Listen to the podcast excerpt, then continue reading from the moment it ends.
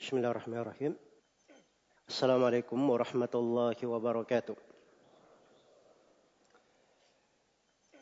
إن الحمد لله نحمده ونستعينه ونستغفره ونعوذ بالله من شرور أنفسنا وسيئات أعمالنا من يهده الله فلا مضل له ومن يضلل فلا هادي له أشهد أن لا إله إلا الله وحده لا شريك له وأشهد أن محمدا عبده ورسوله.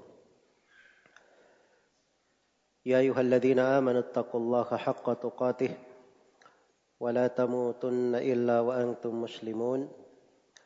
يا أيها الناس اتقوا ربكم الذي خلقكم من نفس واحدة وخلق منها زوجها وبث منهما رجالا كثيرا ونساء.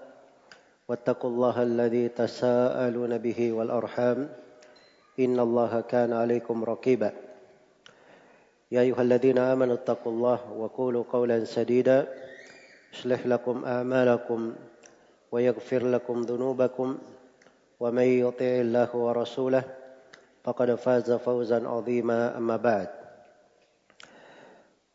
فإن أصدق الحديث كتاب الله وخير الهدي هدي محمد صلى الله عليه وسلم وشر الأمور محدثاتها فإن كل محدثة بدعة وكل بدعة ضلالة وكل ضلالة في النار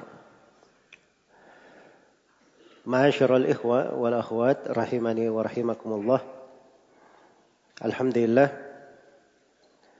pada pagi hari ini kita bersyukur kepada Allah dan harusnya kita selalu bersyukur kepadanya atas segala karunia dan nikmat termasuk keberadaan kita di majelis ini dari majalisul ilm majelis-majelis dan semoga Allah menganugerahkan kepada kita semua ilmu yang bermanfaat dan amalan yang salih dan menjadikan apa yang kita dapatkan di majelis ini sebagai butir-butir keberkahan untuk kita semua di dalam kehidupan bekal-bekal yang bisa menguatkan kita di atas jalan yang lurus, memudahkan jalan kita menuju kepada Allah Subhanahu wa taala dan kepada surganya. Innahu waliyu dzalika wal qadiru alaih.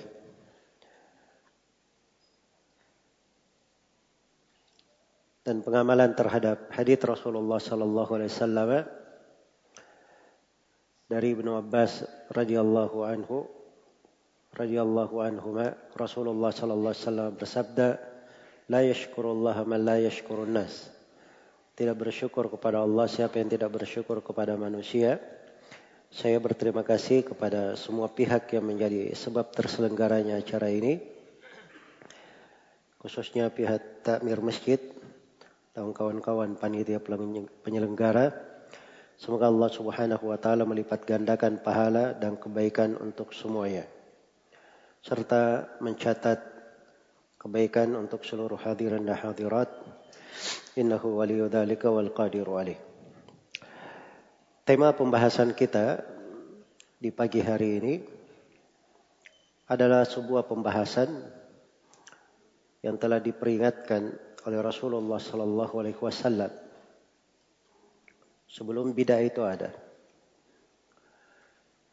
Sebelum bidah itu ada, sudah diperingatkan oleh Nabi tentang bahayanya. Diperingatkan akan cakupan kejelekannya serta diterangkan oleh Rasulullah sallallahu alaihi wasallam pokok-pokok keburukan dari bidah tersebut. Hal ini karena Islam adalah agama yang lurus dan agama yang telah sempurna. Karena itu tidak diperlukan di dalam beragama sesuatu apa pun kecuali apa yang telah diterangkan dan telah diajarkan oleh Rasulullah sallallahu alaihi wasallam. Itu sebuah ayat di muhkam kitabihi dalam Al-Quran turun di hari yang teragung, di hari Jumat. Turun di masa yang agung pula di hari-hari pelaksanaan ibadah haji. Turun di bulan yang agung, di bulan Dhul Hijjah. Turun di atas tanah yang dihormati dan diagungkan oleh Allah. Itulah ayat firman Allah Subhanahu wa taala, "Al-yawma akmaltu lakum dinakum wa atmamtu alaikum ni'mati wa raditu lakumul Islam dina." Pada hari ini telah kusempurnakan agama kalian untuk kalian dan telah kucukupkan nikmatku atas kalian serta telah kuridai Islam sebagai agama kalian. Maka segala sesuatu yang merupakan agama itu sudah diterangkan oleh Rasulullah sallallahu alaihi wasallam. Sudah cukup dan lengkap. Allah menegaskan ma farratna fil kitabi min syai. Kami tidak pernah menelantarkan di dalam Al-Qur'an sesuatu apa pun. Semuanya ada. Awalam yakfihim anna anzalna alaikal kitaba yutla alaihim. Bukan telah cukup untuk mereka. Kami turunkan Al-Quran kepada engkau ya Nabi Muhammad dibacakan terhadap mereka, ditilawa terhadap mereka. Bahasanya sudah cukup. Wanazzalna alaikal kitaba tibyana likulli syai' Kami turunkan kepada engkau ya Nabi Muhammad kitab penjelas segala sesuatu. Bahkan saking lengkapnya petunjuk di dalam agama bukan hanya butir-butir kebaikan yang diterangkan. Hal-hal yang bisa menyesatkan juga dijelaskan agar dihindari. Jangan sampai ada yang terjatuh di dalamnya dia berkata, oh ini saya nggak tahu. Ada lubang di sini. Saya tidak mengerti. Ini jalan kesesatan. Sebab dalam agama semuanya diterangkan. Allah berfirman, "Kadzalika nufassilul ayat walitastabina sabilul mujrimin. Demikian kami merinci ayat-ayat supaya tampak jelas jalannya orang-orang yang berdosa.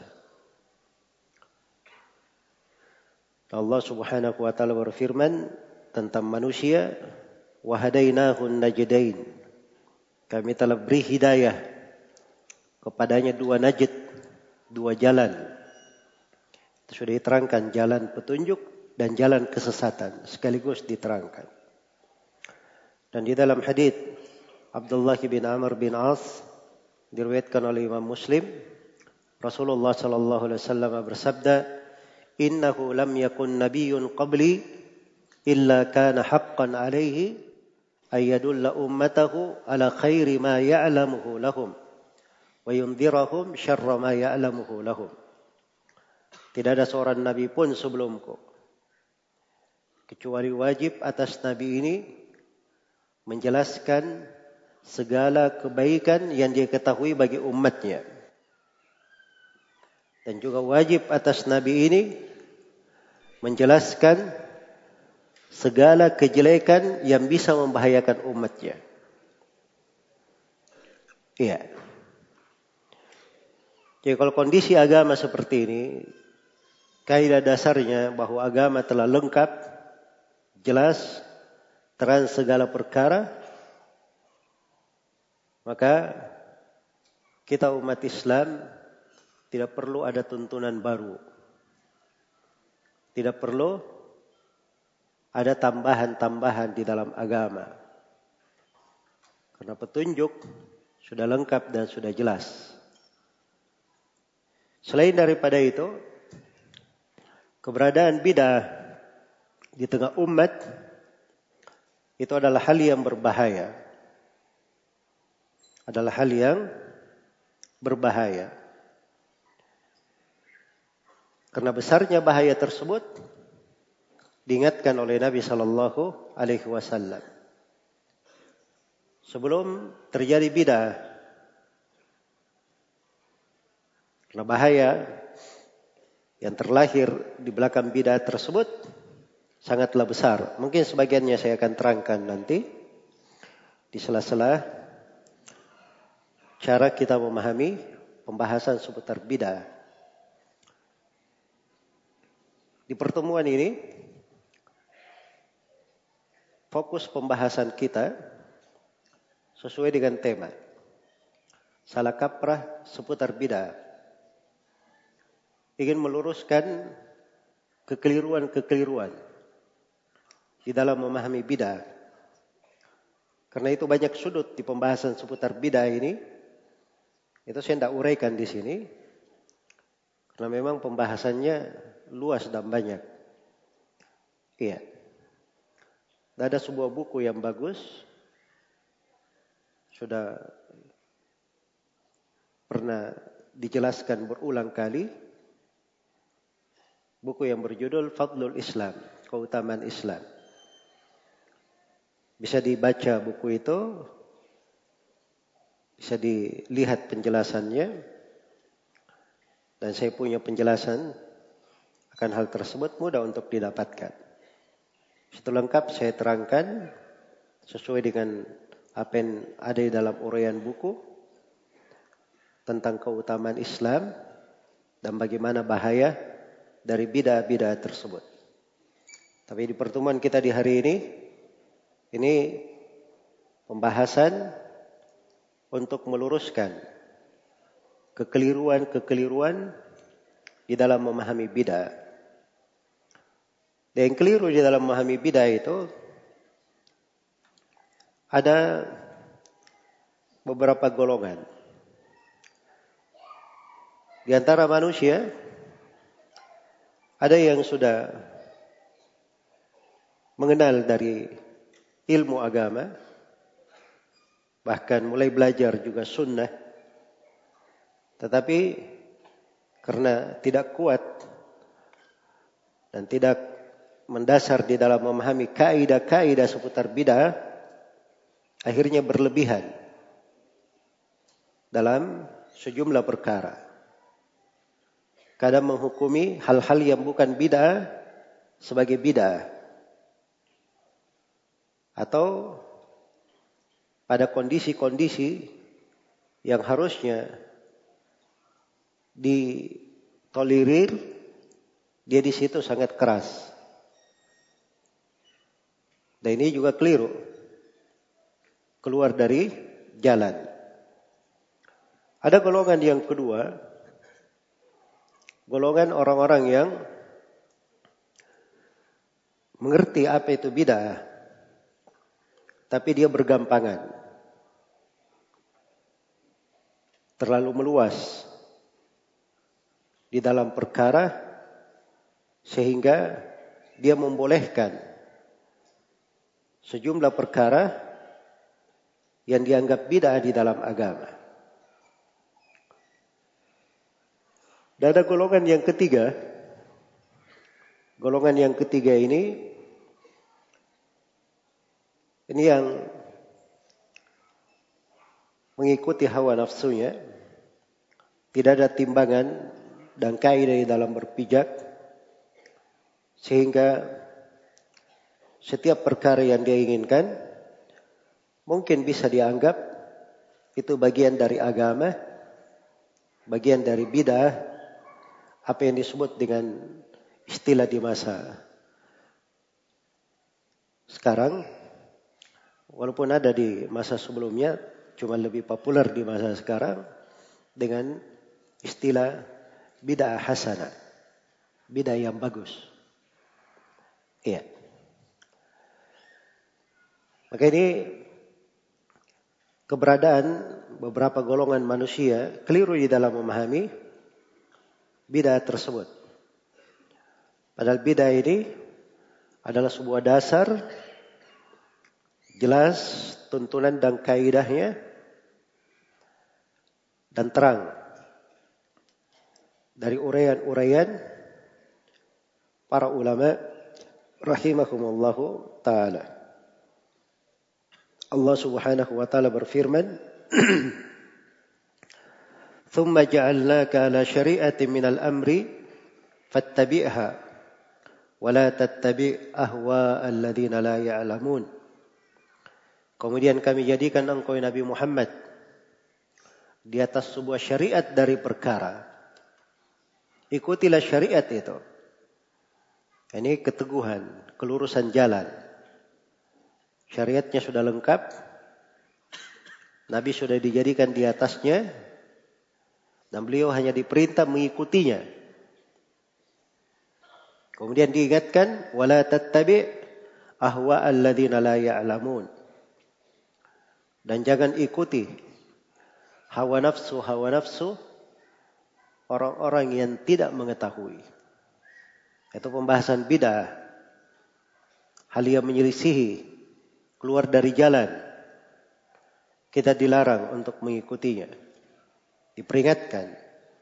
Jangan sampai jatuh di dalamnya. Baik.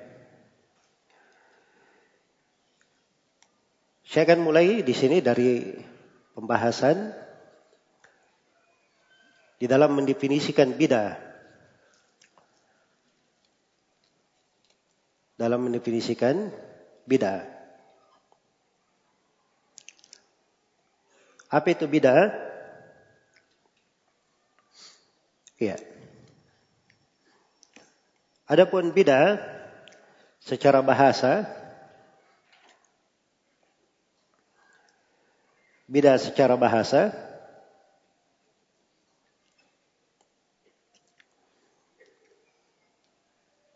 itu dari mana mengadakan sesuatu atau hal yang baru tidak ada contoh sebelumnya yang semisal dengan itu.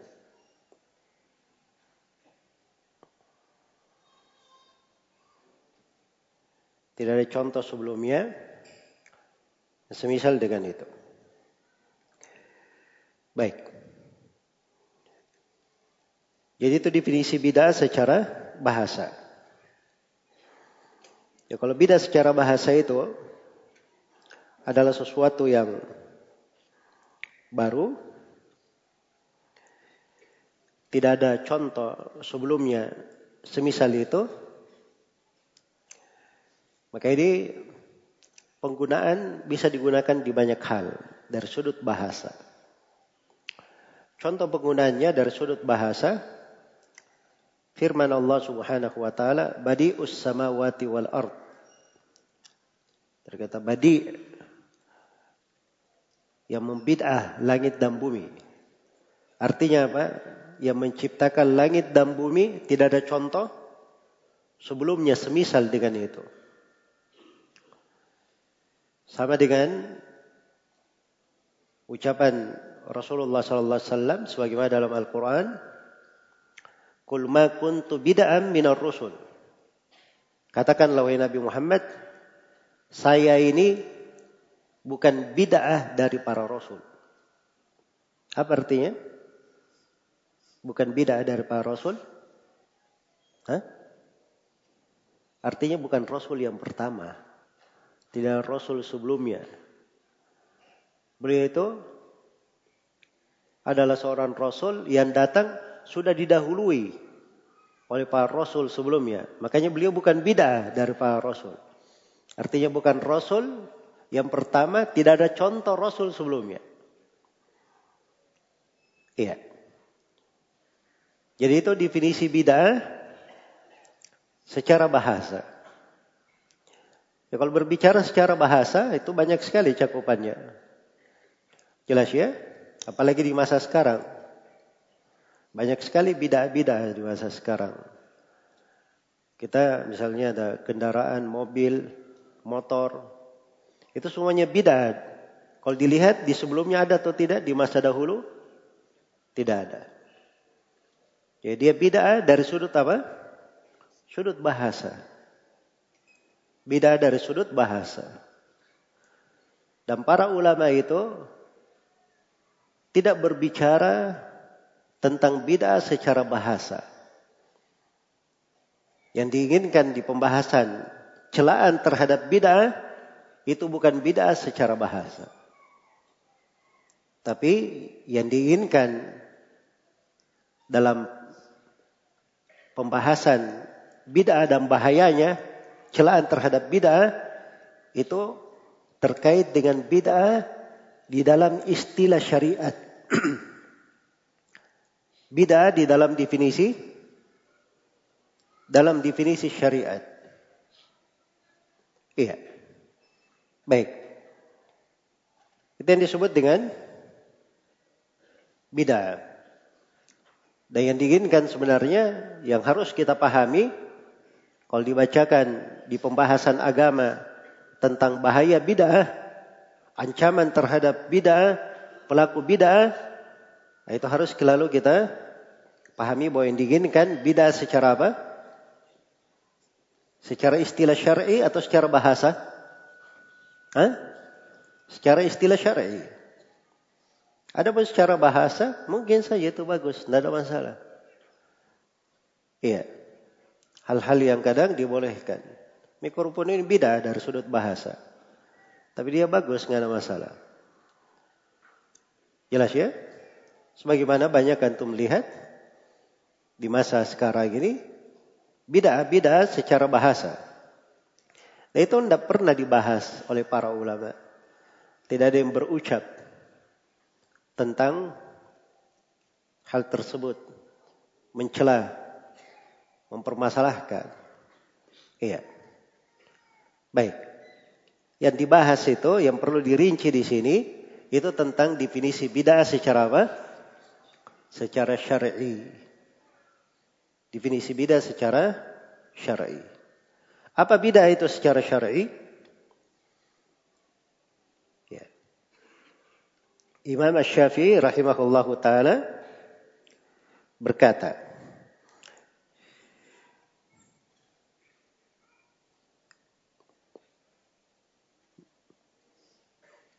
Kata Imam Syafi'i rahimahullah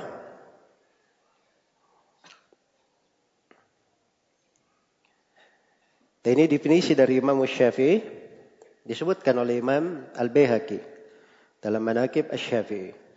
Dan disebut juga oleh Ibnu Rajab. Imam Syafi'i berkata, "Ma uhditha yukhalifu kitaban atau sunnatan atau atharan atau ijma'an fahadihi bid'atul dalalah." Imam Syafi'i apa yang diada-adakan menyelisihi Al-Quran menyelisihi sunnah, menyelisihi athar. Apa yang datang dari para sahabat. Atau ijma'an atau menyelisihi kesepakatan ulama.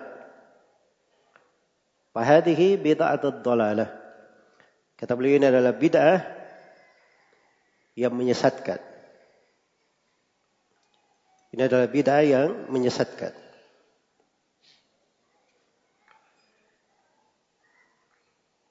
Ada kelanjutannya ucapan Imam Syafi'i. Nanti kita akan kaji di pembahasan yang lain. Cuma di sini sudut bid'ah yang menyesatkan terang definisinya dari Imam Asy-Syafi'i rahimahullahu taala. Baik. Dari ulama di madhab Syafi'iyah. Saya mulai dari para ulama di madhab Syafi'iyah. Nah kita di lingkungan madhab syafi'i. Walaupun saya akan bacakan definisi-definisi yang lain. Berkata Al-Khattabi rahimahullah. Al-Khattabi dari ulama syafi'iyah. ketika menjelaskan hadith kullu muhdatsatin bid'ah setiap perkara yang diada-adakan adalah bid'ah kata beliau wa kullu syai'in uhditha ala ghairi aslin min usulid din segala perkara yang diada-adakan tidak di atas pondasi sebuah dasar pondasi dari pondasi-pondasi agama wala ghairi iyarihi wa qiyasihi. Tidak di atas ukuran dan ketentuan agama. Itulah yang disebut dengan bid'ah itu definisi bid'ah menurut beliau Segala sesuatu dia ada-adakan. Terus tidak ada pondasinya, dasarnya, ukurannya, kaidahnya. Sama sekali tidak ada. Kaidahnya dalam agama. Itu disebut bid'ah menurut Al-Khattabi. Kata beliau, "Wa amma ma kana minha mabniyan ala qawaidil usul wa mardudun ilaiha falaysa bi bid'atin wala dhalala." Adapun perkara-perkara yang dibangun di atas kaidah-kaidah agama dikembalikan kepada pondasi-pondasi agama, maka itu bukan bid'ah dan bukan pula sesat. Baik. Sudah dua. Yang ketiga, Abul Qasim Al-Asbahani Asy-Syafi'i yang digelari sebagai Qiwamus Sunnah. Rahimahullah. Kata beliau, "Mala asla lahu fil kitab was sunnati walam ajma'at alaihi al-ummah fa huwa muhdath." Kata beliau, apa yang tidak ada dasarnya dalam Al-Quran, tidak pula dalam sunnah, dan tidak disepakati oleh ulama atau tidak disepakati oleh umat, maka dia adalah bid'ah. Adalah hal yang diada-adakan. Iya.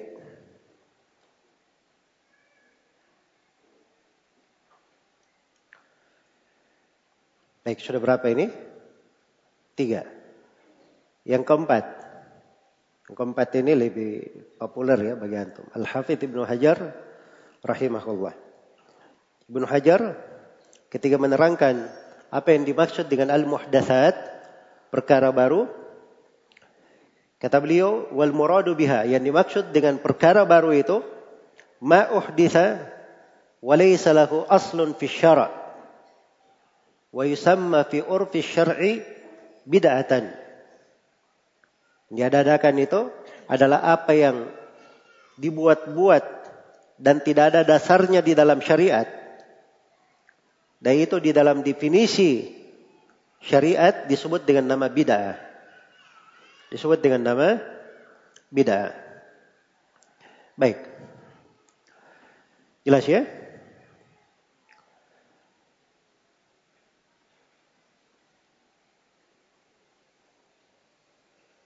Saya baca sebagian definisi yang disebut oleh Syekhul Islam Ibnu Taimiyah rahimahullahu taala. Supaya kita tahu bahwa para ulama ini tidak ada berbeda mereka di dalam mendefinisikan bid'ah tersebut. Iya.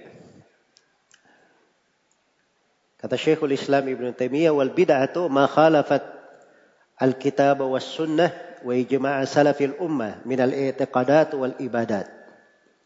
Bid'ah itu adalah apa yang menyelisihi Al-Quran dan Sunnah dan menyelisihi kesepakatan umat dan menyelisihi kesepakatan umat.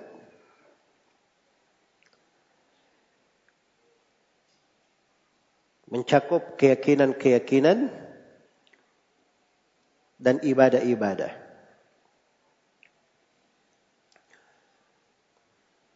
Baik. Di definisi lain, kata beliau al-bid'atu fid din hiya ma lam yashra'ahu Allah wala rasuluhu. Kata beliau bid'ah dalam agama itu adalah apa yang tidak pernah disyariatkan oleh Allah dan tidak pula disyariatkan oleh Rasulnya sallallahu alaihi wasallam. Wa huwa ma lam yu'mar bihi amru ijab wa huwa ma lam ya'mur bihi amru ijab wal istihbab. Yaitu perkara yang tidak pernah diperintah oleh Allah. Apakah perintah wajib maupun perintah sunnah. Tidak pernah diperintah. Iya. Di tempat lain dari kitab Al-Istiqamah beliau mendefinisikan definisi ada tambahannya. Kata beliau al-bid'atu ma lam yashra'ahu Allahu minad din. Bid'ah itu adalah apa yang Allah tidak pernah syariatkan dari agama. Tidak pernah disyariatkan dari agama. Fakullu man dana bi syai'in lam yashra'ku Allah fadaka bid'ah. Maka setiap orang yang menganut perkara yang tidak pernah disyariatkan oleh Allah maka itu adalah bid'ah wa in kana muta'wilan fihi walaupun dia itu mentakwil di dalamnya dia punya alasan di dalamnya. Baik. Jadi itu beberapa kalimat ya dari Syekhul Islam Ibn Taimiyah rahimahullah. Dan banyak lagi definisi-definisi di dalam hal ini. Ya. Kesimpulannya yang paling mendasar itu bidah itu satu perkara yang diada-adakan. Satu. Dua, bid'ah perkara diada-adakan di dalam agama. Di urusan apa? Urusan agama, bukan di urusan dunia. Kalau urusan dunia tidak ada urusannya dengan pembahasan bid'ah secara istilah syar'i. Itu di pembahasan bahasa. Iya. Di pembahasan bahasa. Makanya dari kalimat yang sering didengung-dengungkan oleh orang yang tidak berpendidikan, kalau di ya ini dasarnya juga sebagian orang kenapa dia tidak suka kalimat bidah, sebab dia punya proyek-proyek tertentu bisa tutup lapak nanti. Kalau bidahnya terus diingatkan nanti dia gulung tikar. Makanya dia kesal kalau ada yang menyebut bidah. Apa ini bidah? Sedikit-sedikit bidah. Kamu tidak usah naik mobil. Itu bidah. Tidak usah naik motor. Itu bidah. Nah, ini kan ucapan keluar dari orang-orang yang tidak berpendidikan agama. Iya. Tidak berpendidikan agama. Tidak ada di kalangan para ulama itu dari definisi yang kita sebutkan tidak ada yang pernah membahas bidah di urusan dunia. Bidah yang dibahas itu di urusan apa? Di urusan agama. Itu yang dibahas. Jadi itu yang kedua. Kemudian yang ketiga dari sifat bidah itu bidah dikatakan bidah itu tidak ada asal usulnya di dalam syariat. Tidak ada akar pendalilannya di dalam syariat. Dan disebut dengan bidah. Iya. Apa artinya tidak ada asal usulnya? Tidak ada dalilnya. Dari bentuk pendalilan apa pun. Tidak ada dalil dari Al-Quran. Tidak ada dalil dari hadith itu mana tidak disyariatkan oleh Allah dan Rasulnya. Tidak ada dalil dari kesepakatan ulama. Tidak ada dalil dari ucapan sahabat. Ya. Itu juga bentuk dari pendalilan. Atau tidak ada dalil dari amalan umat, amalan para ulama yang disepakati. Atau hal yang dijadikan acuan. Tidak ada dalil dari sudut kaidah-kaidah pendalilan. Tidak ada dalilnya. Itu yang disebut dengan bidah. Jelas ya? Nah, di sini ada dua orang yang keliru di dalam memahami bidah. Di, di bagian yang ketiga ini ada dua orang yang salah kaprah. Tak bidah. Ya, orang yang pertama itu selalu dia anggap oh ini tidak ada ayatnya, tidak ada haditnya berarti bidah. Itu keliru memahami. Tidak adanya ayat khusus, hadit khusus tentang masalah, itu belum tentu menunjukkan perkara itu adalah apa? Adalah bid'ah. Mungkin dia ada di dalil yang lain, tapi dalilnya dalil umum. Dalilnya dalil apa? Dalil umum. Yang mencocokinya. Jelas ya? Baik. Seperti ada sebagian orang misalnya, dia masuk di pembahasan sholat istikharah untuk nikah. Dia bahas haditnya, wah ini haditnya adalah hadit yang lemah. Maka dia bangun hukum sholat istikharah untuk nikah hukumnya bid'ah. Karena haditnya lemah. Ini ketidakpahaman seputar makna bid'ah. Betul haditnya itu lemah. Tapi ada hadit lain umum tentang sholat istikharah. Istikharah pada segala sesuatu. Termasuk nikah. Haditnya di Sahih Al-Bukhari dari hadit Jabir radhiyallahu taala anhu. Jelas ya?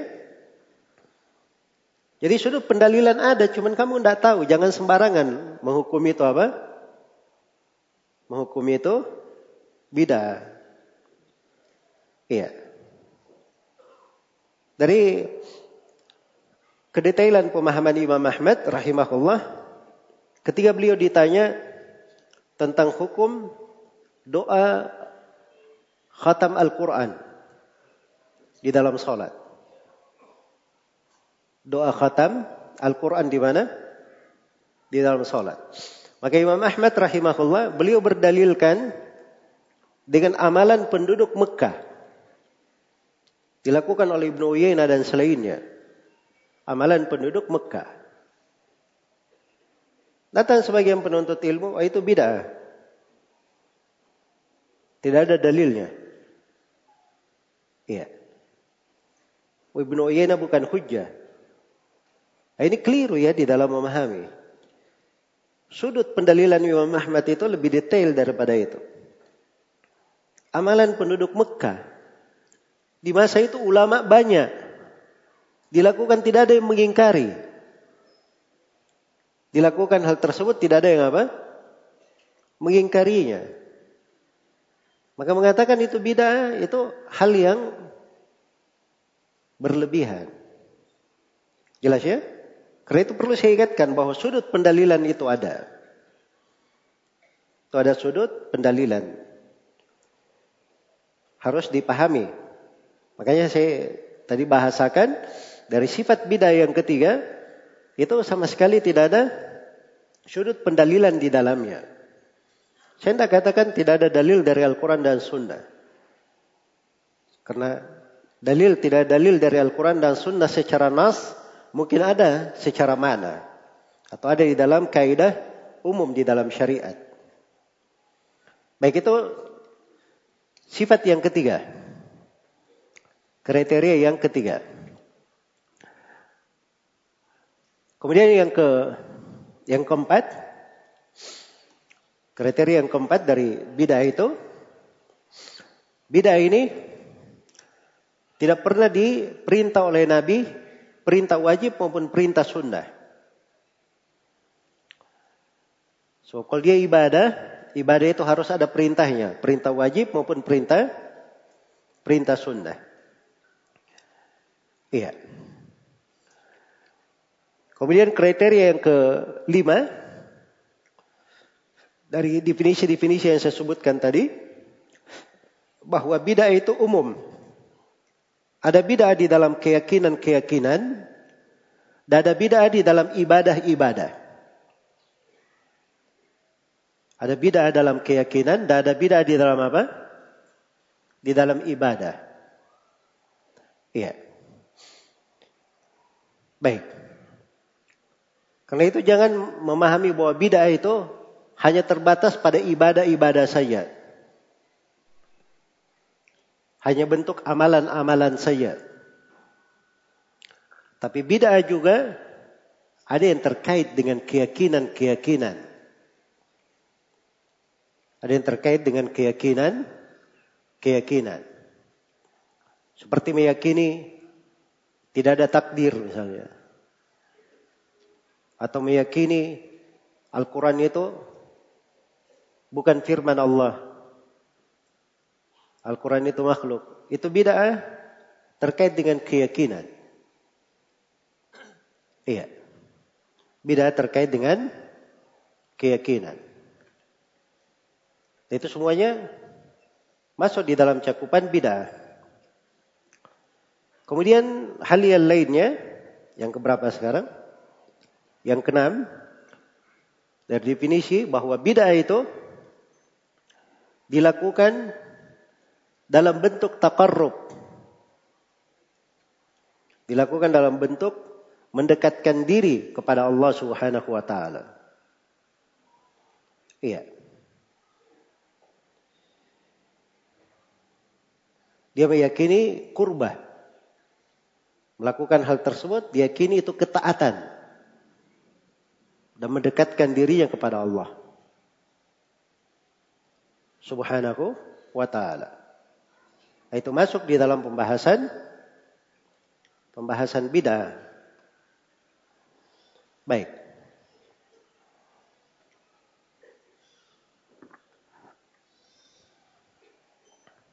Jadi kalau ada perkara misalnya dilakukan itu kebiasaan sebenarnya. Tapi dilakukan dalam bentuk dia ingin beribadah kepada Allah di situ sebagai bentuk ketaatan. Iya. Maka itu masuk di dalam hitungan hitungan bidah. Baik. Ini mungkin saya akan uh, bentuk lagi nanti ya dari bentuk rincian-rincian. Baik, kemudian berikutnya dari apa yang telah diuraikan bahwa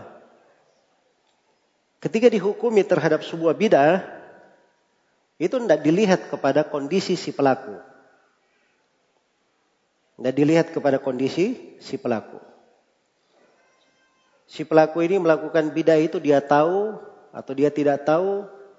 Dia melakukan bid'ah ini, dia mengada-adakannya atau dia ikuti orang lain. Itu tidak dilihat pada si pelaku. Dilihat pada perbuatannya. Perbuatannya yang dihukumi sebagai apa? sebagai bid'ah.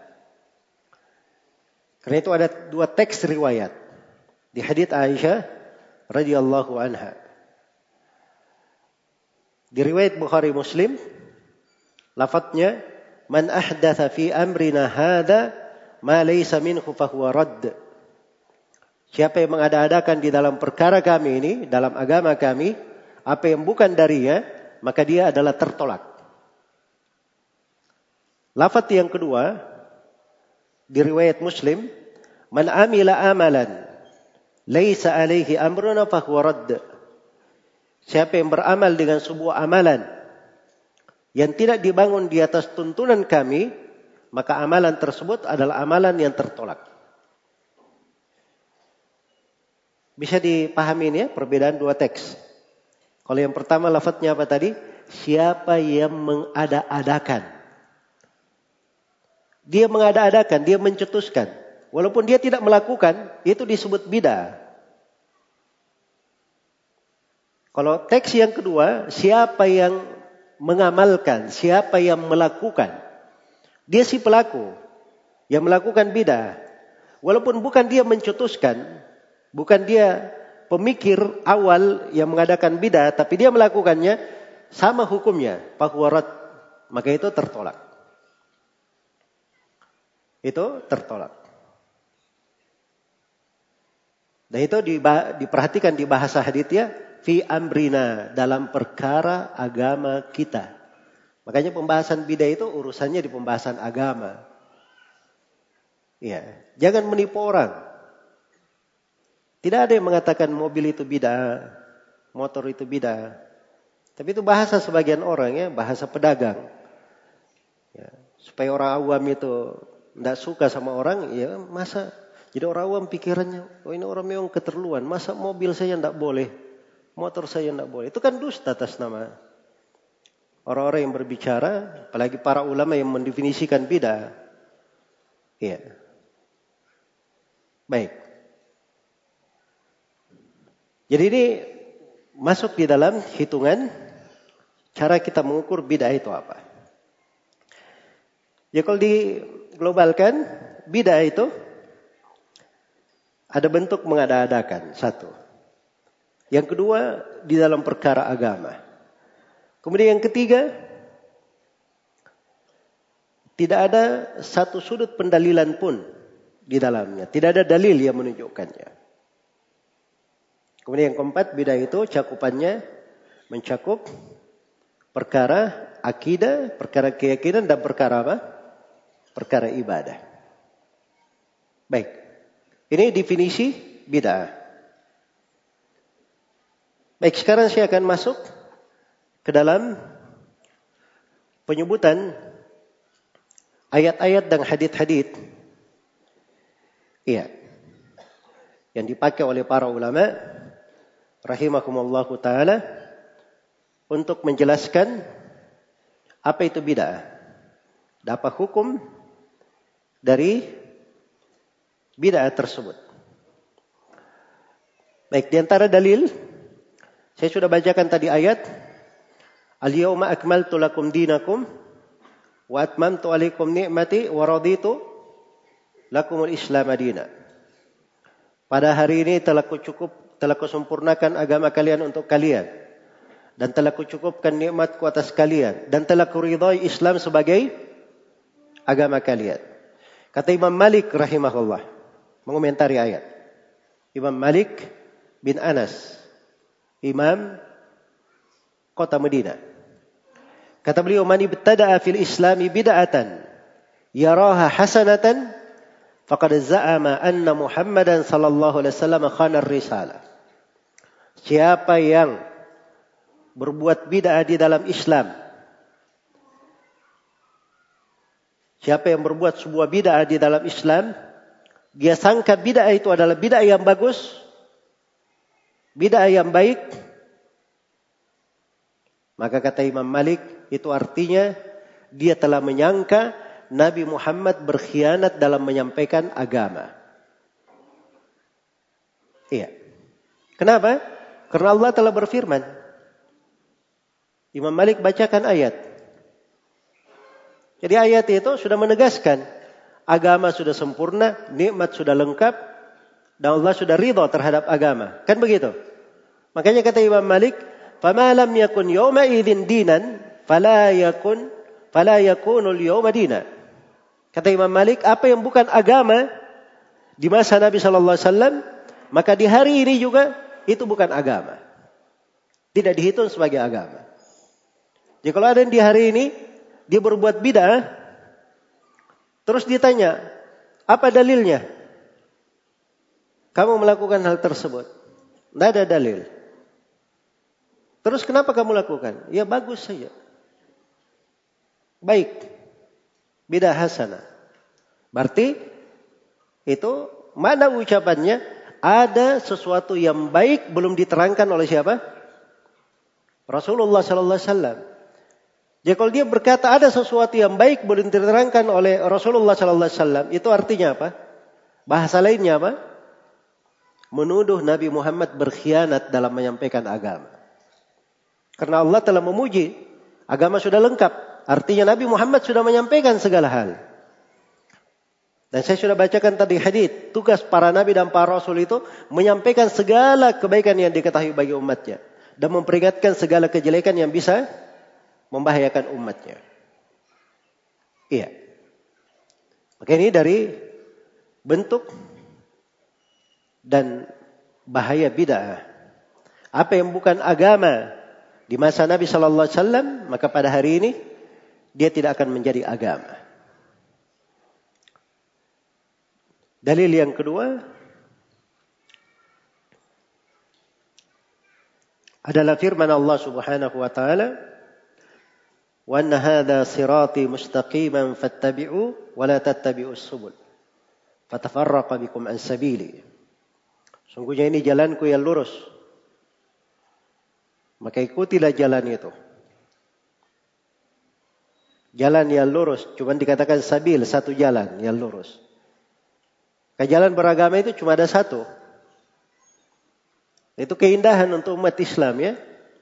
Kita itu Masya Allah banyak nikmat. Jalan beragama kita dimudahkan. Satu jalan terang. Tapi yang menjadi masalah ini, orang-orang yang tidak tahu jalan ini, dia membebani dirinya, menusahkan dirinya, cari jalan-jalan lain yang bisa mencelakakannya. Iya. Makanya kalau kita ikuti ayat, diterangkan sungguhnya jalanku Inilah jalanku yang lurus. Wa hadha sirati. Ini jalanku yang lurus. Fattabi'u, ikuti jalan itu. Wala subul. Jangan ikuti jalan-jalan yang lain. Jalan-jalan yang lain ini ditafsirkan oleh Mujahid bin Jabir rahimahullah dari murid Ibnu Abbas. Mujahid ini. Iya. Mujahid bin Jabir berkata, As-subul al-bida wal ahwa. As-subul itu adalah bid'ah-bid'ah dan hawa nafsu hawa nafsu. Jangan ikuti itu. Jangan ikuti hal tersebut. Dalil yang ketiga. Baik, saya langsung ke hadith ya. Saya sebenarnya sebutkan sudah sebutkan beberapa ayat tadi. Saya bacakan hadis, hadis yang biasa kita dengarkan ya saya baca tadi di khutbah hajat, khutbah pendahuluan itu di hadis Jabir radhiyallahu taala anhu di riwayat Muslim. Ketika Nabi wasallam berkhutbah, beliau berkata amma ba'du. Kemudian setelah itu, fa inna khairal hadithi kitabullah. Sebaik-baik pembicaraan adalah kitab Allah. وخير الهدي هدي محمد صلى الله عليه وسلم sebaik-baik petunjuk adalah petunjuk Muhammad sallallahu alaihi wasallam. Wa syarrul umuri muhdatsatuha. Dan seburuk-buruk perkara adalah apa-apa yang diada-adakan. Wa kullu bid'atin dhalalah. Dan setiap bid'ah adalah kesesatan. Itu di riwayat Muslim. Ada tambahannya di riwayat An-Nasai wa kullu dhalalatin finnar. Dan setiap kesesatan itu tempatnya di di dalam neraka. Baik, penegasan kuat tentang bahaya bidah. Hadits lain dalil yang keempat hadits Irbat ibn Sariyah radhiyallahu anhu. Riwayat Imam Ahmad At-Tirmidzi dan Ibnu Majah. Kata Irbat Ibn Sariyah, wa'adana Rasulullah sallallahu alaihi wasallam mau'izatan balighah. Rasulullah sallallahu alaihi wasallam menasihati kami dengan nasihat yang mendalam. Wajilat minhal qulub wa dharafat minhal uyun. Bergetar hati-hati itu mendengarnya. Dan air mata berlinang mendengar Wejangan-wejangan Nabi itu. Itu subhanallah ya, kelembutan hati para sahabat. Itu sebagian hadis Nabi Shallallahu Alaihi Wasallam itu harusnya kita bersyukur kepada Allah. Adanya hadis-hadis seperti itu yang memuat manfaat yang merata untuk umat di dalamnya, kandungan-kandungan yang cukup bagi umat terhadap segala masalah yang mereka hadapi. Jadi ketika Nabi memberi wasiat ini, begitu keadaan para sahabat. Maka kata para sahabat, "Qulna ya Rasulullah, kanaha mau'izatu muwaddi'in fa'usina." Ya Rasulullah, seakan-akan nasihatmu ini itu nasihat perpisahan. Maka berwasiatlah kepada kami. Maka Nabi sallallahu alaihi wasallam bersabda, "Usikum bi taqwallah was-sami wa ta'ah." Wasiatkan kepada kalian untuk bertakwa kepada Allah, mendengar dan taat kepada pemimpin. Wa in ta'ammara 'alaikum 'abdun habashi. Walaupun yang menjadi pemimpin atas kalian seorang budak Habasyi. Iya. Fa innahu may ya'ish minkum fasayara ikhtilafan katsira. Sungguhnya siapa di antara kalian yang hidup setelahku, dia akan melihat perselisihan pendapat yang banyak. Fa'alaikum bisunnati wa sunnati al-khulafa'ir rasyidin al-mahdiyyin min ba'di. Maka hendaknya kalian jadi Nabi kabarkan akan terjadi perselisihan. Itu ujian ya di tengah umat. Kalau mau hidup, oh saya mau hidup ini, tidak mau ada perselisihan. Ya. Ya kalau mau hidup tidak ada perselisihan, ya. pindah planet saja. Cari planet lain. Ini kehidupan Allah sudah atur. Allah sudah takdirkan. Akan terjadi perselisihan. Dan ini bukan perselisihan antara umat Islam dan selain umat Islam. Tidak. Di tengah umat. Dan itu ada hikmahnya di sisi Allah. Tapi dari kemurahan Allah ditakdirkan ada ujian bentuknya perselisihan, tapi kita tidak dibiarkan tanpa arahan. Kita tidak dibiarkan tanpa pijakan. Kita diberi pijakan. Apa pijakannya? Alaikum bisunnati. Hendaknya kalian berpegang dengan sunnahku. Wa sunnatil khulafa'ir rasyidin al-mahdiin min ba'di. Dan sunnah para khulafa'ir rasyidin yang mendapat petunjuk setelahku. Abdu alaiha bin nawajid. Gigit dengan gigi geraham kalian. Gigit dengan gigi geraham kalian. An-nawajid itu gigi geraham ya. Di antara semua gigi manusia yang paling kuat adalah gigi apa? Gigi geraham.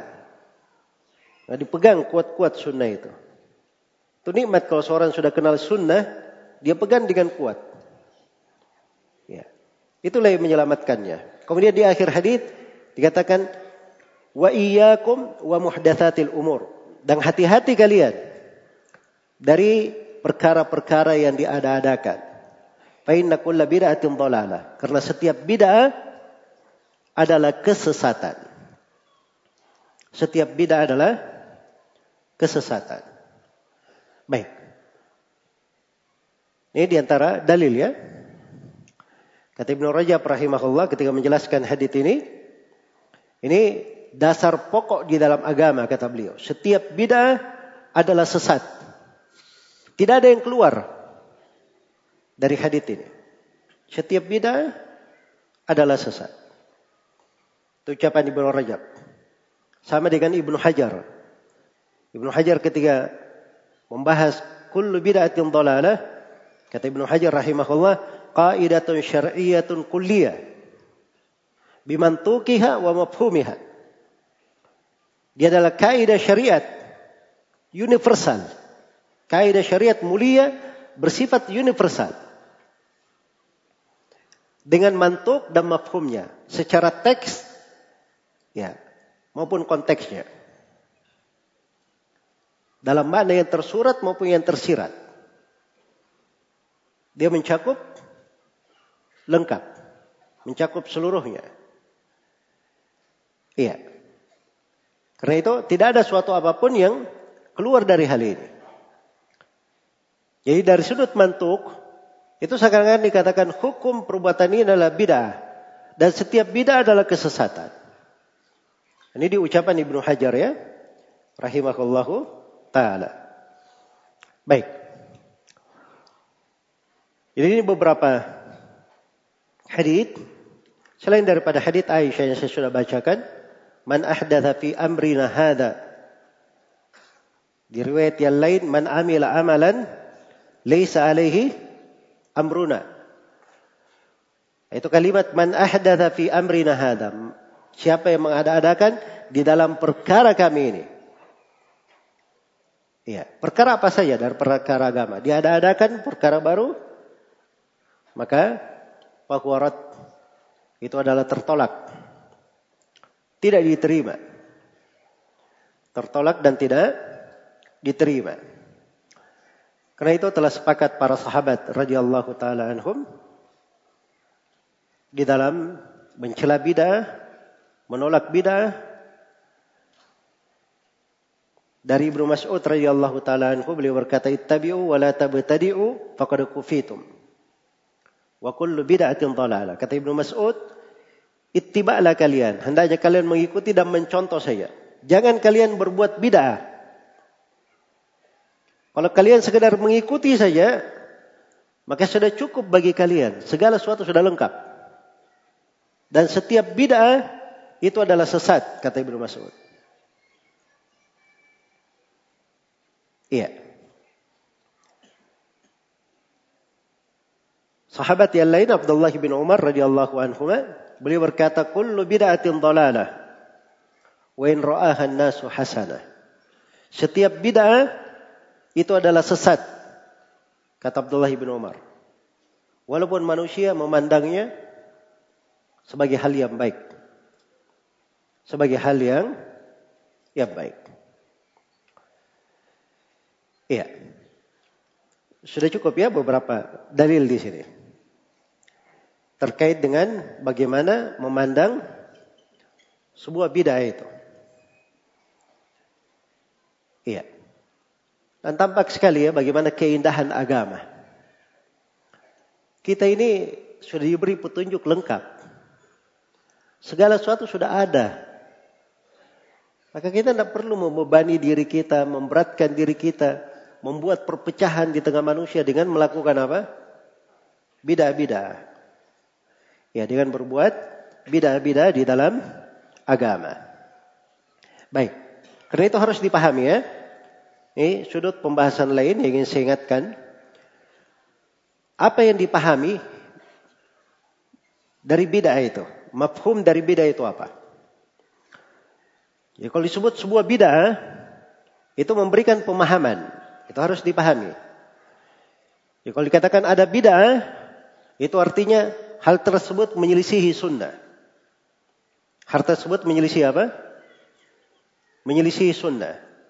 Karena itu sudah menjadi kaidah tetap. Setiap bid'ah itu pasti menyelisihi menyelisihi sunnah. Kalau ada bid'ah yang muncul, dia akan menghilangkan sunnah yang semisal dengannya. Menghilangkan sunnah yang semisal dengannya. Kemudian yang kedua, yang harus dipahami dari kata bid'ah, bid'ah itu artinya mengikuti hawa nafsu. Bukan mengikuti syariat. Bid'ah artinya apa? Mengikuti hawa nafsu, ittiba'ul hawa. Karena agama cuma dibagi dua di dalam bahasa Al-Qur'an. Thumma ja'alnaka ala syari'ati minal amri fattabi'ha wa la tattabi' ahwa'a alladhina la ya'lamun. Kemudian kami jadikan engkau Nabi Muhammad di atas syariat dari perkara, maka ikutilah syariat tersebut dan jangan engkau ikuti hawa nafsu orang yang tidak mengetahui. Jadi manusia hanya dibagi dua. Di atas syariat dia ikuti atau dia mengikuti hawa nafsu orang yang tidak mengetahui. Iya. Itu ayat di surah Al-Jathiyah. Ayat lain di surah Al-Qasas di kaidah yang sama. Allah berfirman, "Fa illam yastajibu laka fa'lam annama yattabi'una ahwa'ahu. Hanya dibagi dua. Kalau mereka tidak menjawab engkau Nabi Muhammad, kalau mereka tidak menjawab engkau, tidak istijabah kepada engkau, tidak ittiba kepada engkau, maka ketahuilah bahwa mereka itu hanya mengikuti hawa nafsunya Ya kalau dia tidak istijabah, tidak di atas sunnah, berarti mengikuti hawa nafsu. Itulah bid'ah namanya. Bid'ah itu lawan daripada sunnah. Lawan daripada ittiba. Maka bid'ah itu artinya mengikuti mengikuti hawa nafsu. Mengikuti hawa hawa nafsu. Baik. Kemudian yang ketiga dari pemahaman bid'ah. Kalau dipahami sebuah bid'ah, kalau dipahami bahwa ini bid'ah, itu artinya hal tersebut adalah perpecahan. Bukan persatuan. Sebab orang yang mengikuti syariat, orang yang mengikuti sunnah, itulah orang yang bersatu. Orang yang bersatu. Iya. Dan sebaliknya, orang yang keluar dari syariat, keluar dari sunnah, maka itu disebut sebagai orang yang berpecah. Disebut sebagai orang yang orang yang berpecah. Kayak ini kaidah-kaidah tegas ya. Pemahaman yang harus dipahami untuk seorang muslim dan muslimah dalam memahami arti bid'ah itu apa. Baik. Sekarang saya akan masuk di dalam salah kaprah yang lainnya. Setelah antum kita sudah mendengarkan definisi bid'ah dalil-dalil bahwa bidah itu tercelah. Dalil-dalil bahwa bidah itu tercelah. Semua bidah itu sesat. Ada sebagian orang yang mengatakan bahwa bidah itu tidak semuanya sesat. Tapi bidah itu terbagi dua. Ada bidah yang baik, ada bidah yang apa? Ada bidah yang buruk. Ini satu sudut pembahasan. Ini panjang sebenarnya ya. Cuma saya akan berusaha menerangkan hal-hal terpenting di pembahasan ini. Iya. Sekarang ini terlalu banyak orang yang memakai kalimat ini. Membuat alasan-alasan. Oh jangan kamu katakan semua bidah itu sesat. Ada sahabat-sahabat, mereka bikin bidah-bidah di masa Nabi. Nabi tidak mengingkarinya. Ini kan syubhat-syubhat namanya. Iya. Ini namanya syubhat-syubhat. Dan insyaAllah ta'ala di kesempatan ini kita akan terangkan kekeliruan dari pemahaman ini. Jadi kaidah dasarnya yang sudah kita pahami dari ayat-ayat, dari hadith-hadith, terus penjelasan para ulama tentang definisi bidah, penjelasan para ulama tentang definisi bidah, kaidah dasar yang bisa disimpulkan bahwa Rasulullah bersabda, "Wa kullu bid'atin dhalalah." Setiap bid'ah adalah apa? adalah sesat. Setiap bid'ah adalah sesat. Itu kaidah dasar, bisa dipahami. Iya. Datang sebagian orang mereka mengatakan bahwa tidak, bid'ah itu tidak semuanya sesat. Bid'ah itu tidak semuanya tercelah. Tapi bid'ah kata mereka terbagi dua. Bid'ah Kata mereka terbagi berapa? Terbagi dua. Ada bid'ah dolala, sayyi'ah, dan ada bid'ah hasanah. Ada bid'ah sesat, jelek, dan ada bid'ah yang apa? Bid'ah yang bagus. Ada bid'ah yang bagus. Baik. Jadi ucapan yang keliru. Ini ucapan yang keliru. Kita sudah bisa memahami kekeliruannya. Tapi yang menjadi masalah itu syubhat-syubhat di sekitarnya. Syubhat yang pertama. Ini saya akan terangkan ya, alasan-alasan. Kenapa ada yang mengatakan bahwa bidah itu terbagi dua. Bidah hasanah dan bidah apa? Bidah saya. Apa alasan mereka? Ketika antum bacakan hadis Fa inna kulla muhdatsatin bid'ah wa kulla bid'atin dhalalah wa kulla finnar. Setiap perkara baru itu adalah bid'ah, setiap bid'ah adalah sesat, setiap kesesatan dalam neraka. Kata mereka kul kullu itu Kullu kan dalam bahasa Arab artinya apa? Semuanya. Iya. Kalau misalnya di semua orang yang hadir di sini dikatakan kullukum atau kullul hadirin semua orang yang hadir. Kata mereka kul itu tidak mesti bermana semuanya, mencakup semuanya. Tidak mesti. Ya. Baik. Antum saja heran ya. Kenapa tidak mesti? Ya kalau dikatakan semuanya, apa yang dipahami? Ada yang diperkecualikan atau tidak? Tidak ada kan begitu? Ya. Tapi mereka berkata tidak, tidak semuanya. Dikasih dalil. Ada penggunaan-penggunaan dalam Al-Quran. Ya. Misalnya terkait dengan siksaan kepada kaum Ad di surah Al-Ahqaf itu. Rihun fiha adabun alim. Siksaan mereka itu angin di dalamnya ada siksaan yang pedih. Dikatakan tudammiru kulla syai'in bi amri rabbiha. Maka angin ini menghancurkan segala sesuatu, kulla syai'. Semuanya. Segala sesuatu. Tapi ternyata setelah itu dikatakan fa asbahu la yura illa masakinuhum. Di pagi harinya tidak terlihat kecuali tempat tinggal mereka. Berarti menghancurkan segala sesuatu, masih ada yang tersisa. Apa itu? Tempat tinggalnya. Berarti semuanya itu tidak mesti bermana apa? Semuanya. Mungkin ada yang diperkecualikan. Bagus ya? Ya. Ada lagi sebagian ahlul bidah di masa sekarang, dia mencontek-contek dari ahli sunnah mencontek dari ahli sunnah. Jadi ketika ahli sunnah membantah kaum Jahmiyah, orang-orang Jahmiyah mengatakan Al-Quran itu makhluk, di antara dalil mereka, Allah berfirman, Khaliku kulli syai.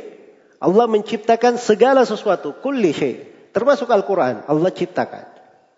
Karena kata kul kata mereka. Maka ahli sunnah membantah siapa? Orang-orang Jahmiyah itu.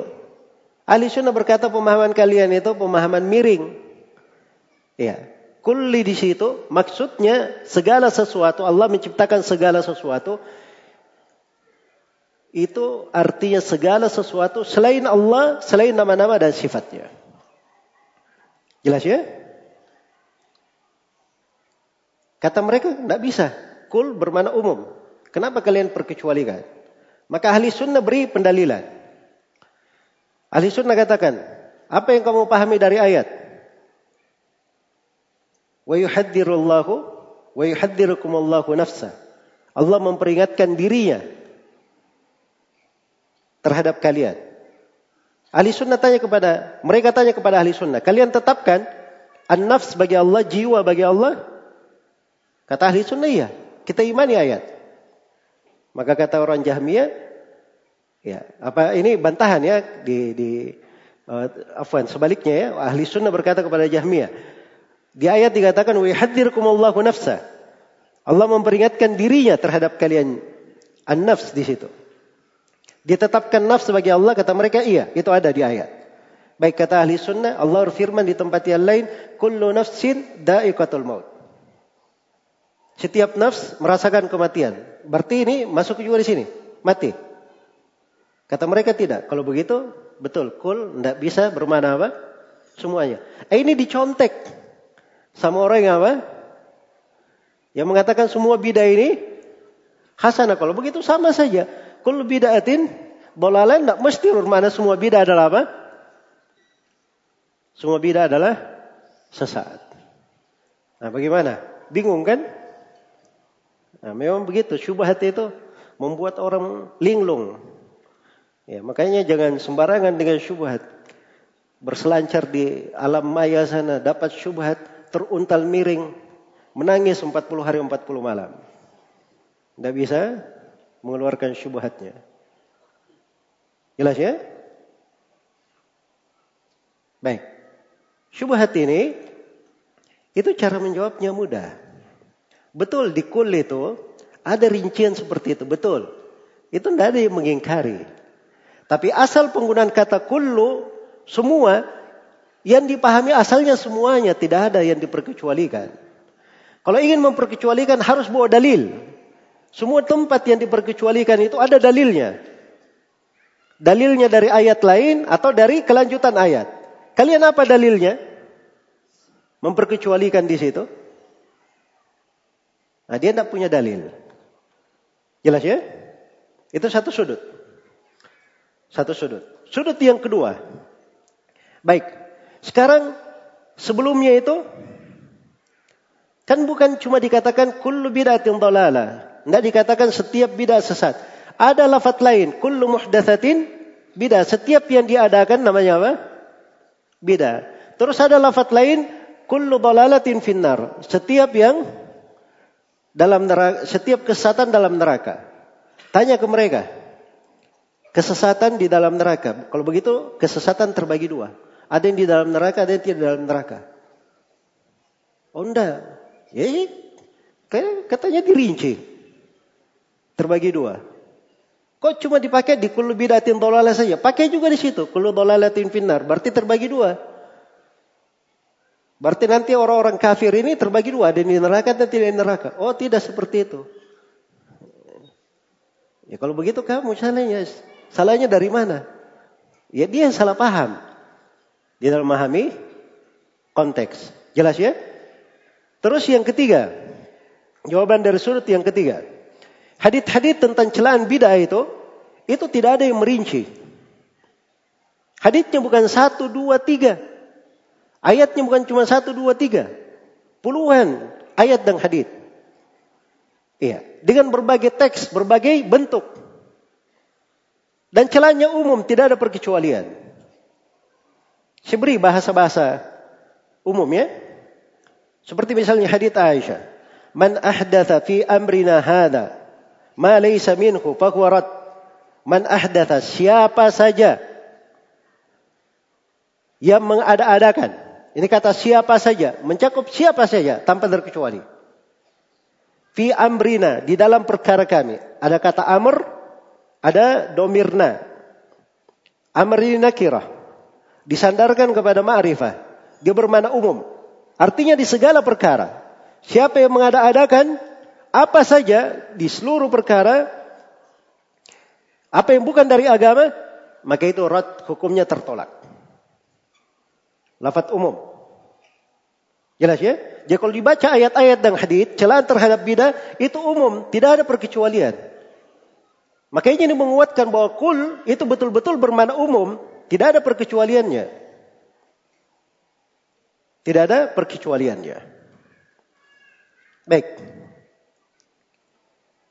Selesai sudah. Syubhat dari di penggunaan kata apa ini? Kullu bid'atin dolala. Iya. Dan repotnya ini orang-orang yang banyak menggunakannya itu cuma mengambil dari sana.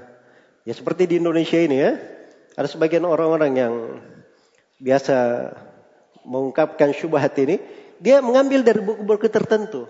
Buku-buku itu sudah dimaklumi dari dulu. Bantahannya itu ada di dalam puluhan buku. Jadi itu syubhat namanya syubhat basi. Ya. Jadi barang-barang basi itu tidak usah disebarkan seperti itu. Maka ini perlu dipahamkan. Dipikirnya bahwa tiap kali dia menyampaikan kerancuan seperti itu, tidak ada yang bisa menerangkan kesesatan apa yang mereka sampaikan. Baik, ada syubhat lainnya. Alasan yang lain. Ya.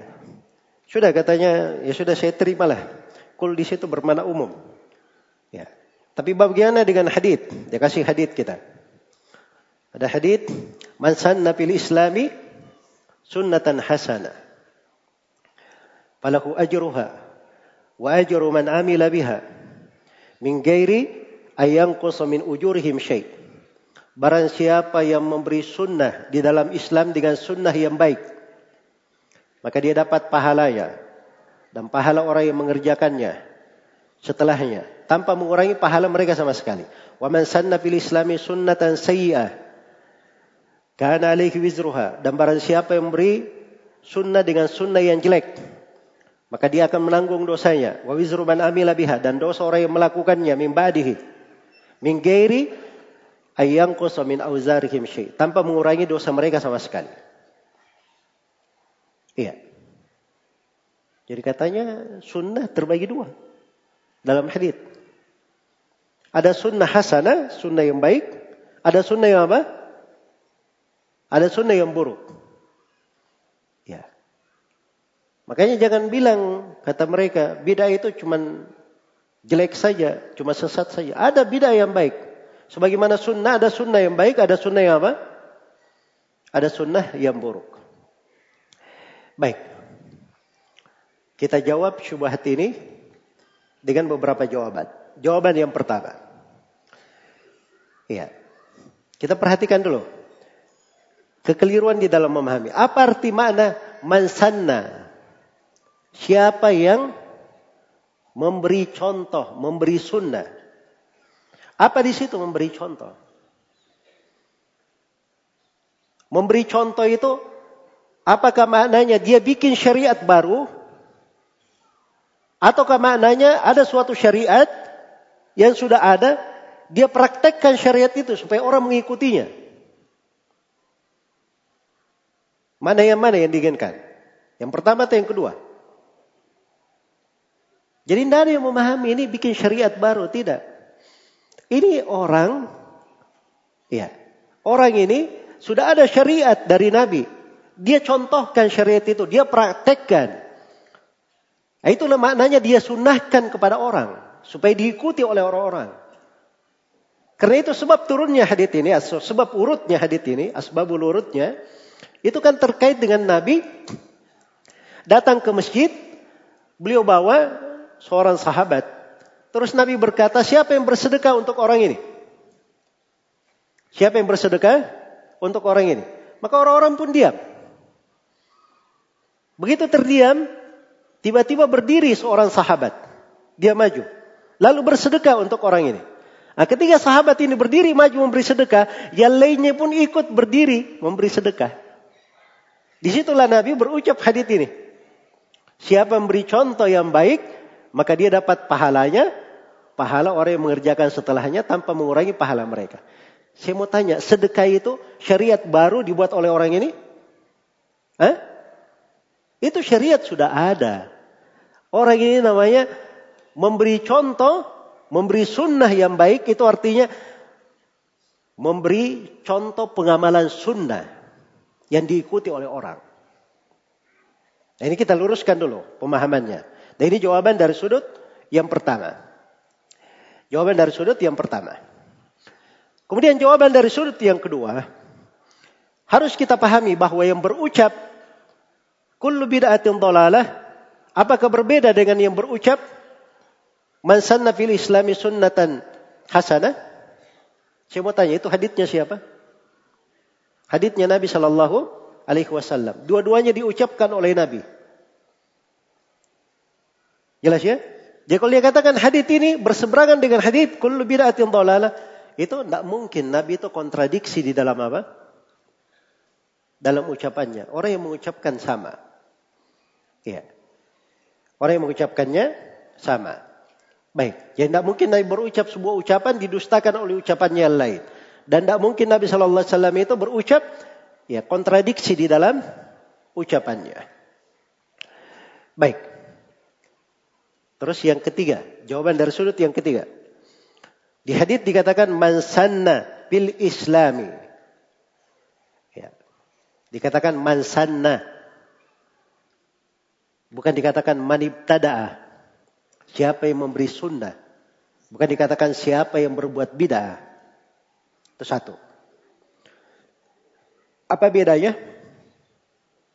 Mansanna, sunnah itu secara bahasa terbagi dua. Mananya ada dua cara bahasa. Atau sunnah secara bahasa itu adalah as-suluk alat tariq. Mahmudan kana umadmuman.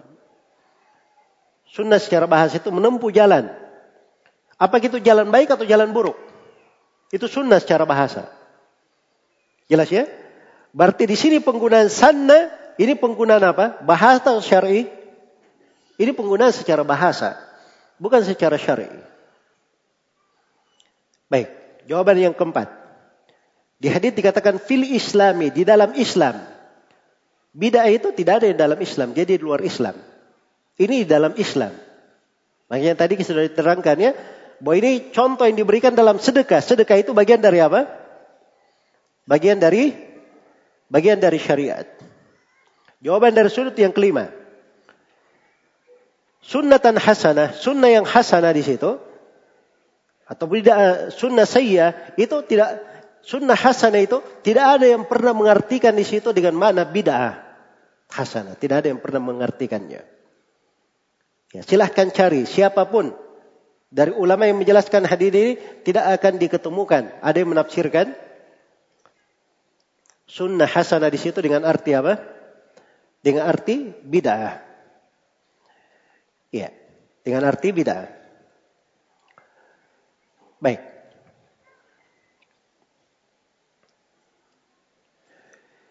Jadi ini beberapa jawabannya untuk syubhat yang kedua ini. Syubhat yang ketiga. Saya harus terangkan semua ini syubhat-syubhat ini. Ya, sabar sedikit ya. Terus kalau saya sebutkan syubhatnya, harusnya yang paling penting antum dengarkan itu jawabannya. Jangan sampai syubhatnya paham, terus jawabannya apa? Tidak paham. Oh gawat juga nanti. Jelas ya? Nah, syubhat yang ketiga, ini yang paling banyak disebutkan tentang ucapan Umar bin Khattab radhiyallahu taala anhu. Umar berkata tentang sholat tarawih. Iya. Ni'mal bid'atu hadihi. Tentang sholat tarawih Umar berkata sebaik-baik bid'ah adalah ini. Jadi hadits riwayat Al-Bukhari. Jadi Umar berkata ini sebaik-baik bid'ah sholat tarawih ini. Iya. Baik. Sekarang kita berikan jawaban. Kita berikan jawaban. Jawaban yang pertama. Ya. Ini kita kasih jawaban yang apa namanya? mengarah kepada akar pemahaman dulu, akar pendalilan. Ini sekarang orang-orang yang berdalilkan dengan hadits Umar bin Khattab ini, itu namanya dia berdalil dengan ucapan sahabat. Berdalil dengan ucapan apa? Ucapan sahabat. Baik. Berdalil dengan ucapan sahabat. Tanya ke mereka, ucapan sahabat itu hujah atau bukan? Ucapan sahabat itu hujah atau bukan? Sebab orang-orang yang ini aneh bin ajaib. Jelas ya? Ketika dia berdalil dengan ini, ini ucapan sahabat. Ucapan sahabat di tempat lain mereka tidak pakai. Tapi kok di sini bisa dipakai? Jelas ya? Maka mereka dudukkan dulu. Ini ucapan sahabat. Hujah atau bukan? Pertanyaan berikutnya, kalau dia hujah, hujah di konteks apa? Kita ada hadits Nabi sudah terang jelas setiap bidah sesat. Terus di sini ada ucapan Umar berkata, ini sebaik-baik bidah. Kalau di atas pemahaman mereka berarti ucapan Umar berselisih dengan ucapan apa? Ucapan Nabi sallallahu alaihi wasallam. Sekarang kalau ucapan sahabat, kaidahnya kalau ucapan sahabat menyelisihi ucapan Nabi, ucapan sahabat diambil atau tidak? Tidak diambil menurut kesepakatan ulama. Jelas ya? Karena mungkin sebagian sahabat berucap sebuah ucapan, dia belum tahu Nabi berucap selain daripada itu. Itu udur bagi mereka. Baik. Itu sudut yang pertama. Kemudian sudut yang kedua. Sudut yang kedua. Jawaban yang kedua. Ini pembahasannya Umar mengatakan sebaik-baik bidah adalah ini. Itu di pembahasan apa? Hah? Di pembahasan sholat, sholat tarawih. Iya. Sholat tarawih itu artinya sholat malam secara berjamaah di bulan Ramadan. Yang baru dilakukan oleh Umar itu adalah mengumpulkan manusia sholat tarawih setiap malam hingga akhir Ramadan. Itu yang baru dilakukan oleh Umar. Tapi sekarang saya mau tanya, Nabi pernah melakukan sholat malam berjamaah bersama para sahabat atau tidak? Hah? Di bulan Ramadan? Pernah. Haditnya syah dalam sejumlah riwayat. Beliau melakukannya tiga malam. Pernah beliau keluar di seperdua malam, lalu sholat mengimami para sahabat sampai akhir malam. Apa pernah beliau keluar sholat mengimami para sahabat sampai lewat seperdua malam? Ya. Eh, pertama lewat seperdua eh, sepertiga malam ya. Hari kedua, hari berikutnya, kali yang kedua beliau sholat sampai seperdua malam. Kali yang ketiganya beliau sholat sampai para sahabat berkata, kita khawatir ketinggalan makan sahur. Berarti Nabi pernah melakukannya atau tidak? Pernah melakukannya. Sekarang sisa ditanya, apa sebabnya Nabi tidak sholat malam setiap, tidak sholat tarawih setiap malam di bulan Ramadan. Apa sebabnya? Itu ada kan diterangkan di dalam hadis Aisyah riwayat Bukhari dan Muslim. Khasyata an tufrada ala ummati. Nabi khawatir kalau beliau sholat malam setiap malam, sholat tarawih setiap malam bersama para sahabat, beliau khawatir sholat tarawih ini akan diwajibkan terhadap umat. Makanya beliau tidak melakukan sholat malam. Sholat tarawih tiap malam. Ya. Nah, begitu Nabi meninggal, hukum syariat sudah tetap bahwa sholat tarawih itu disunnahkan. Makanya Umar menghidupkan sunnah Nabi itu. Dilakukanlah sholat itu apa? Setiap malam. Jadi itu artinya sebenarnya kalau bahasa lainnya, sholat tarawih ini sunnah Nabi itu dihidupkan oleh siapa? Umar ibn Khattab. Makanya Umar berkata ini sebaik-baik bid'ah. Kalau begitu yang keempat sudah bisa dipahami. Bahwa maksud Umar sebaik-baik bid'ah, bid'ah apa di situ? Secara bahasa atau secara syar'i? Itu bid'ah secara bahasa. Bukan bid'ah secara apa? Secara syar'i. Iya. Baik. Makanya di situ penting ya untuk memahami hadits-hadits Rasulullah sallallahu alaihi wasallam secara benar. Baik. Ini pendalilan-pendalilan dengan ucapan sahabat tanpa memahami ke mana ucapan sahabat ini diarahkan. Nah, ini yang menjatuhkan banyak orang pada kekeliruan-kekeliruan. Baik. Ini syubhat yang keberapa tadi? Sudah syubhat yang ketiga. Masih ada syubhat yang keempat ya? Harus saya terangkan semua ini syubhat-syubhatnya. Termasuk ucapan Imam Syafi'i. Ya. Dan ucapan Ali bin Abdissalam. Kita akan terangkan satu persatu insyaallah taala. Cuma ini waktunya sudah mepet ya. Untuk sesi pertama ini kita cukupkan sampai sini insyaallah taala disambung di sesi yang kedua. Subhanakallahumma bihamdik asyhadu an la ilaha illa anta astaghfiruka wa atubu ilaik walhamdulillahi rabbil alamin.